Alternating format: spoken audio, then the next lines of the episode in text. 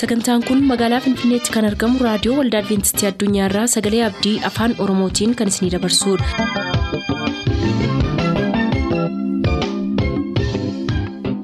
harka fuuni akkam jirtu kabajamtoota dhaggeeffattoota sagalee abdii nagaan waaqayyo abbaa bakka jirtan hundumaatti hunduma keessaniif haa ta'u jechaa sagantaa harraaf qabannee isiniif dhiyaanne mata duree ifa dhugaa jedhudhaa qabannee dhiyaanne irraatii ittiin eebbifama.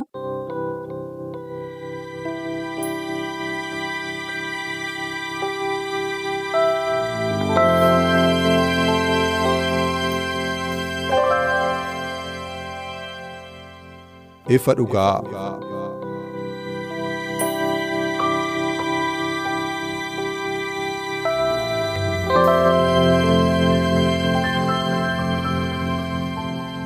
ifa dhugaa.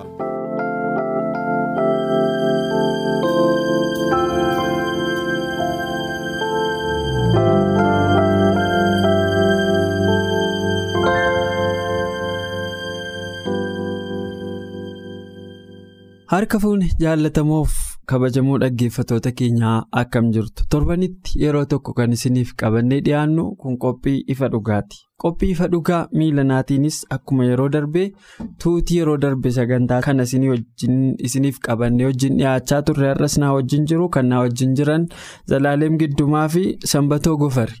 Gara qophii kana tokko jennee isiniif dhiyeessuutti darbuu dura mata dureen qorannoo keenya har'aa moo'icha kiristoos du'a irratti argatee ka jedhudha. Qorannoon keenya kutaa torbaffaadha.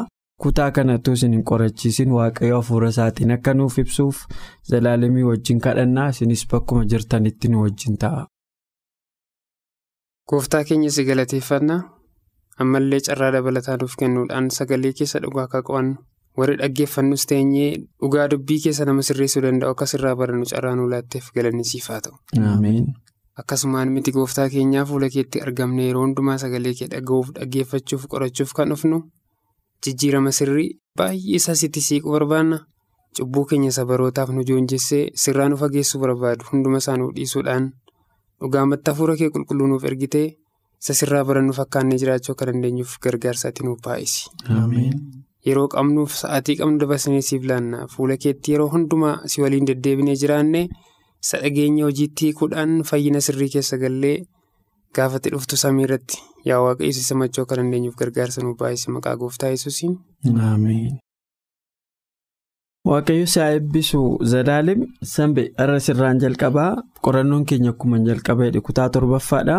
Kutaa torbaffaan kun kan inni jedhu moo'icha kiristoos du'a irratti argateedhaani. Heertuu yaadannoo isaatii mul'ata boqonnaa tokko lakkoofsa kudha torbaaf kudha saddeetidha. Yommuun isa argee akka nama du'ee miila isaa jalatti nan kufe inni immoo harka isaa mirgaan irra kaa'ee hin sodaatin inni duraa inni booddee sana inni jiraatu sana takkaallee du'een ture. Amma garuu kunoo baraa hamma bara baraatti jiraachuuttan jiraa. Du'a irratti balbala iddoo warra du'anii banuu irrattis ani gooftummaa qabaa. Naan jedheedha. Yohannistuu abdii ajaa'ibsiisaa kana nutti himaa.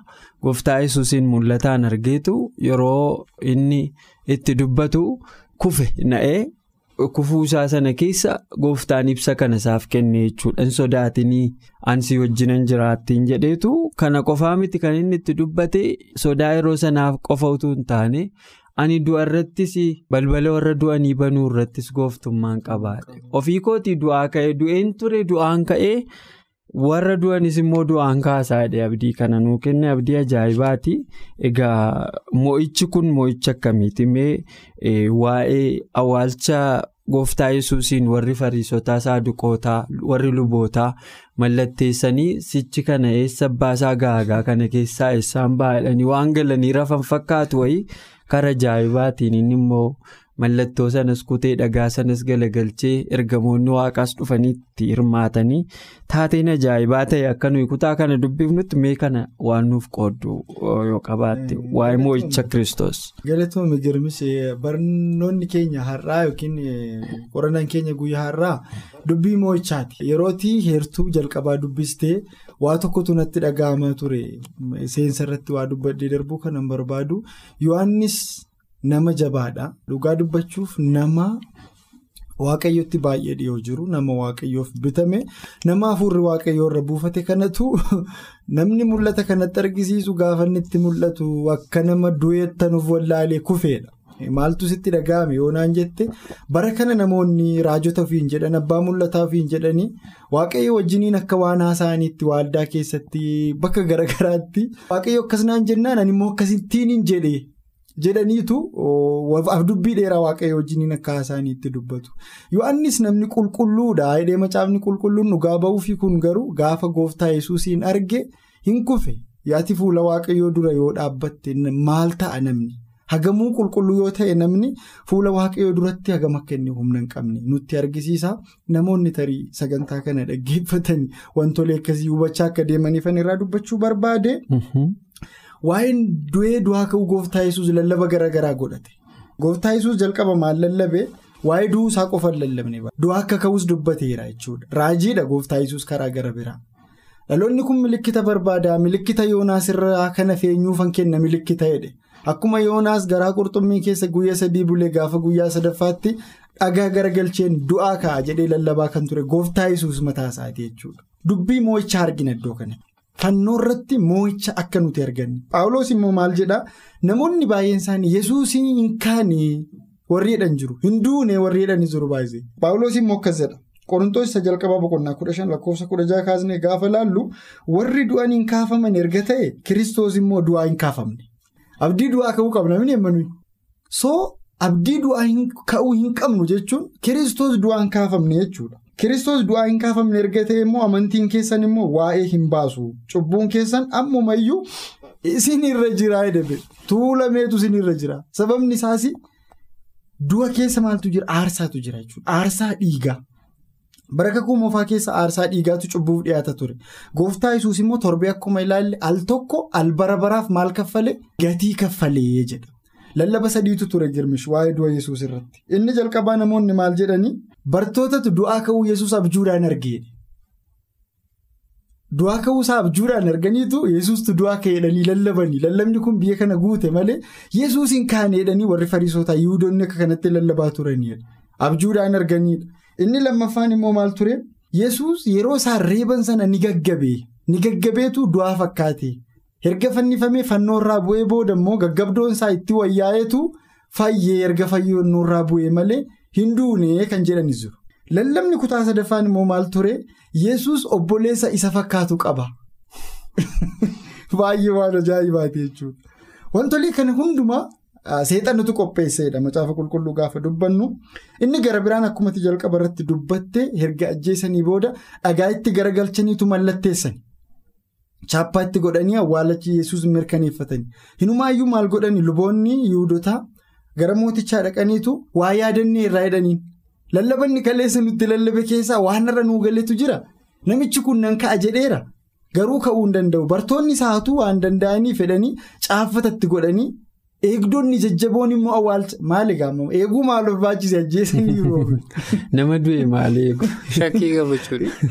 Maaltu jira jechuudha yesuus irraa sodaa qabu jechuudha beekuu jechuudha beekanni du'aa ka'u.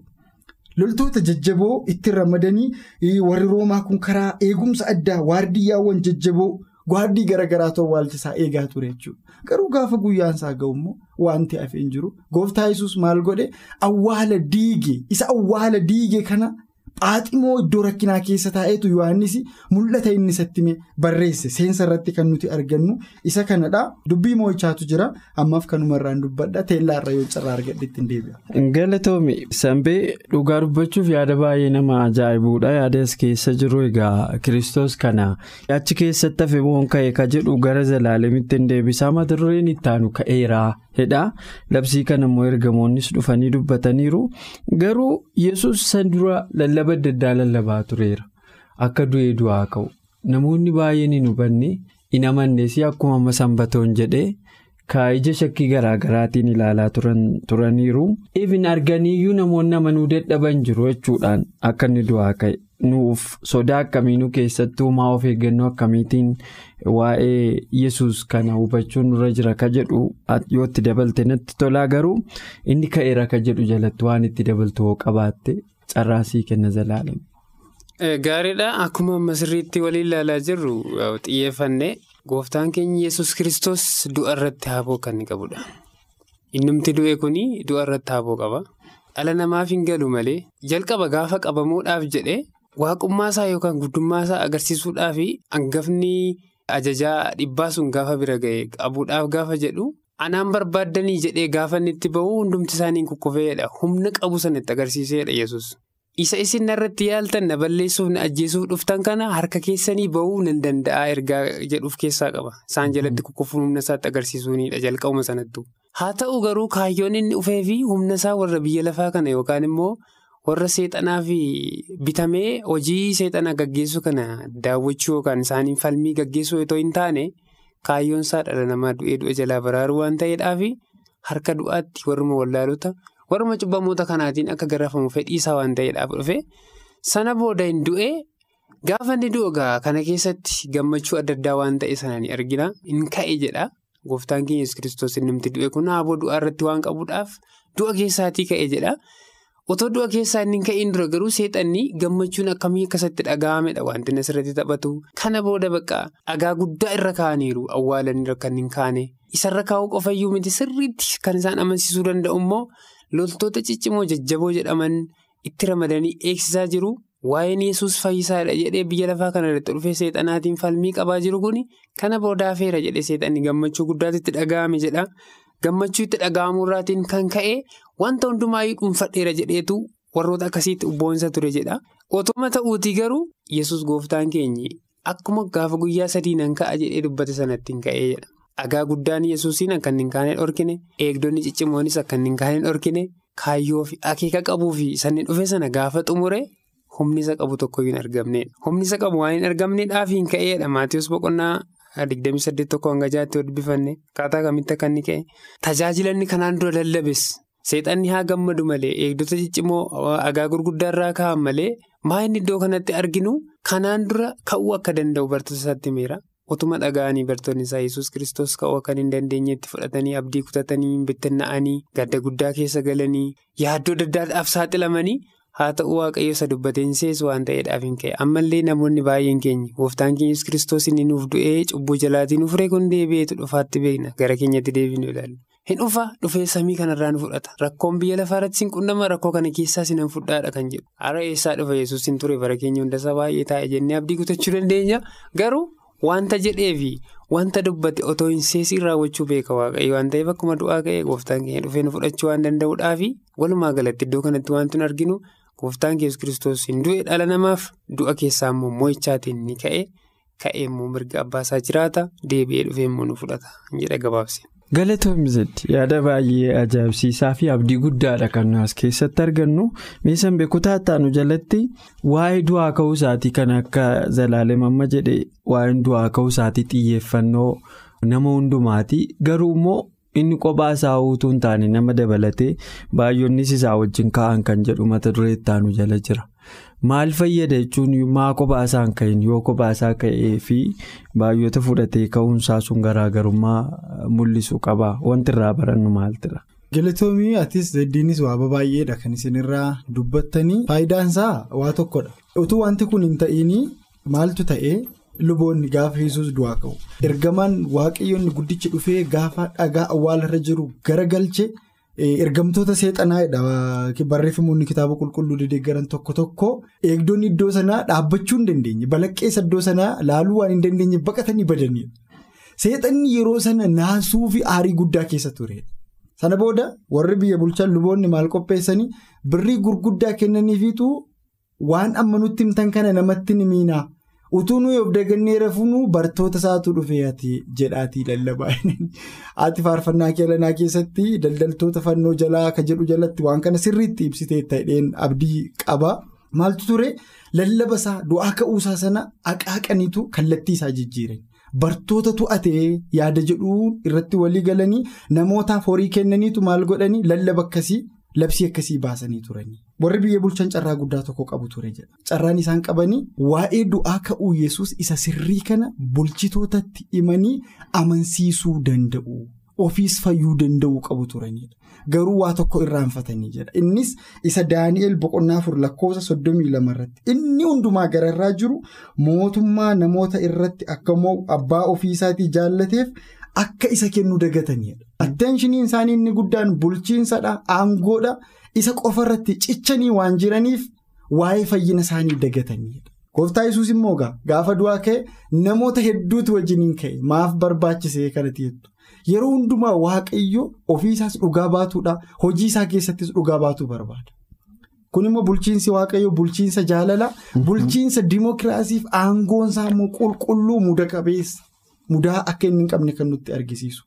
Wangeelaa Maatiyoos boqonnaa 27 lakkoofsa 51 irraa ka'een dubbisuu barbaada. Kunoo golgaan mana qulqullummaa olii hamma gadiitti iddoo lamatti tarsa'e lafti hin socho'e. Kattaawwanis hin dadayya'ani awwaalonnis immoo banamanii warri qulqulloonni dur du'aniin kaafamanii as jira gaannatti jette isaanis awwaalota keessaa ba'anii du'aa ka'uu yesus booddee yerusaalem mandara qulqullaa ittiitti lixanii namoota baay'eetti mul'atanii dhugaa ba'umsatu ture jechuudha. Seexanni lallaba sabaa erga qopheesse waaqayyo immoo lallaba dhugaa lallaba yoomiyyuu namoonni yesus faana du'aa ka'an kun qulqulloota sana dura du'anii ka'anidha. Du'aa ka'uun isaaniiyyuu du'aa ka'uu akka namoota nuti kutaa. sadan darbanii keessatti ilaalle miti akka alaazaar fa'aa miti. Namoonni kun bifa hin duuneen deebi'anii ka'anii sana booda yerusaalem naqanii maal jedhanii? Yesus du'eera maalimmoo ta'eera ka'eera. Nus eenyu wajjin kaaneerra jedhanii isa wajjin kaaneerra jedhaniitu yesus du'ee du'aa akka inni ga'e du'aa immoo akka inni ka'e barsiisa dhugaa dhugaa ba'umsa sirrii eenyuuf kennan jechuudha namoota baay'eetti mul'atanidha macaafni qulqulluun namoota baay'eetti mul'atan kanatti immoo maal lallabanii. Warri baay'atanii isa wajjin ka'an kun waa'ee du'ee du'aa ka'uusaa lallabanii dhugaa ba'umsaaf jechuudha namoonni sun barbaachisummaan isaan du'aa kaniifi. galatoomii sanbee yaada bu'uuraa fi dhugaa guguddaa of keessaa qabu tas keessa jira. Kutaan itti aanus zaddi kanarraa fagoon jiru waa'ee dhuga baatota kanaa kaasa. Waaqayyo ofiisaatii waaqadha. Akkuma amma sanbatoon jedhee eenyutu isa gaafata jechuun eenyuun sodaatee ragaa barbaada waaqayyo? Waanuma fedhe yoo godhe. Garuu wanta akkuma amma sanbatoon jedhe waan hunduma isaa garuu waaqayyo ragaadhaan malee hin godhu. Kanaaf kun abdii maalii nuu kenna? Al tokko tokko haqi keenya badee haqa keenya dabee inni al tokko tokko dhoksaatti miidhamne inni yeroo nuyi yaadnu jira waaqayyo waaqa ragaa malee waa tokko hin goone ta'uusaas keessaa barraa kun nuuf abdii maalii nuu laata? Gaariidha amma iddoo kanatti wanta arginee darbinu waa'ee amma buleessi keenya sanbatoo dubbate irratti baay'oonni isa wajjin ka'anii yeroo jedhu gooftaan yesus kiristoos akkuma inni du'ee du'a keessaatii ka'ee gara jireenyaatti nuyis cubbuu keenyaaf duunee gooftaa keenya yesus kiristoos faana akka nuti kaanedha hundi keenya tokko cuuphamuutiin isatti erga amannee yoo isatti cuuphamne akkuma inni du'a keessaa du'ee ka'e du'a keessaa bishaan keessa dhokfannee ka'uun keenyi. Baay'oonni keenya isa faana ka'uu keenya argisiisa. Warri isatti amannu, warri isatti jiraannu du'uunsaa unuuf du'e jennee warri fudhannu jechuudha. Warri isaan amanne ammayyuu cubbuu irraatii bilisa bahuu hin danda'ani. Garuu carraan hunda keenyaafidha. Isa kan akkas jennee yoo dabarru dhugaa baatota du'aa ka'uu Kiristoos yeroo jedhu namoonni Kiristoos gaafa inni du'aa ka'e dhugaa baantu jiru jechuudha. Lallaboonni adda addaa akkuma jiranii bartootatu haxetoo nuti rabnuutii jedhaa malee. Dhuguma yesus tokko jettanii akka lallabne jedhanii namoonni yaalii adda addaa gara biraatti daayivertii gochuu barbaadaa turani. Dhugaa qabatamaa lafa jiru jechuudha. Akkuma bara keenya kana wanti sirriin tokko gaafa jiraatu wanti sobni tokko bukkee deemu seexanni soba isaa bixxiluun dhiisne haa aaruyyuu malee haa gammadu du'uu isaatti malee abdii haa kutatu mo'amuu isaatti malee soba bixxilee namoota isa faana badan oomishachuuf qopheeffachuu hin dhiisne jechuudha. Bifa kanaatiin akka itti deeman ture. Kan inni dhugaa baatota kan inni barbaadeef immoo waaqayyoo keenya waaqa bilisaati. Waaqa diktaaktarii miti. Humna qaba jedhee yookaan immoo wanti hundumtuu harka jedhee waan barbaade gochuu hin fedhu. Warri harka isaatiin uumaman hundumtuu sammuu bilisaatiin ilaalanii kun sirriidha kun sirrii miti jedhanii dhugaan kana somni kana akka adda baafatan waan barbaaduu fi raagaa barbaachisaa jechuudha. Seexanumtiyyuu gaafa samii irratti fincila kaasee harka sadii keessaa harka tokko gadi fudhatee bu'ee.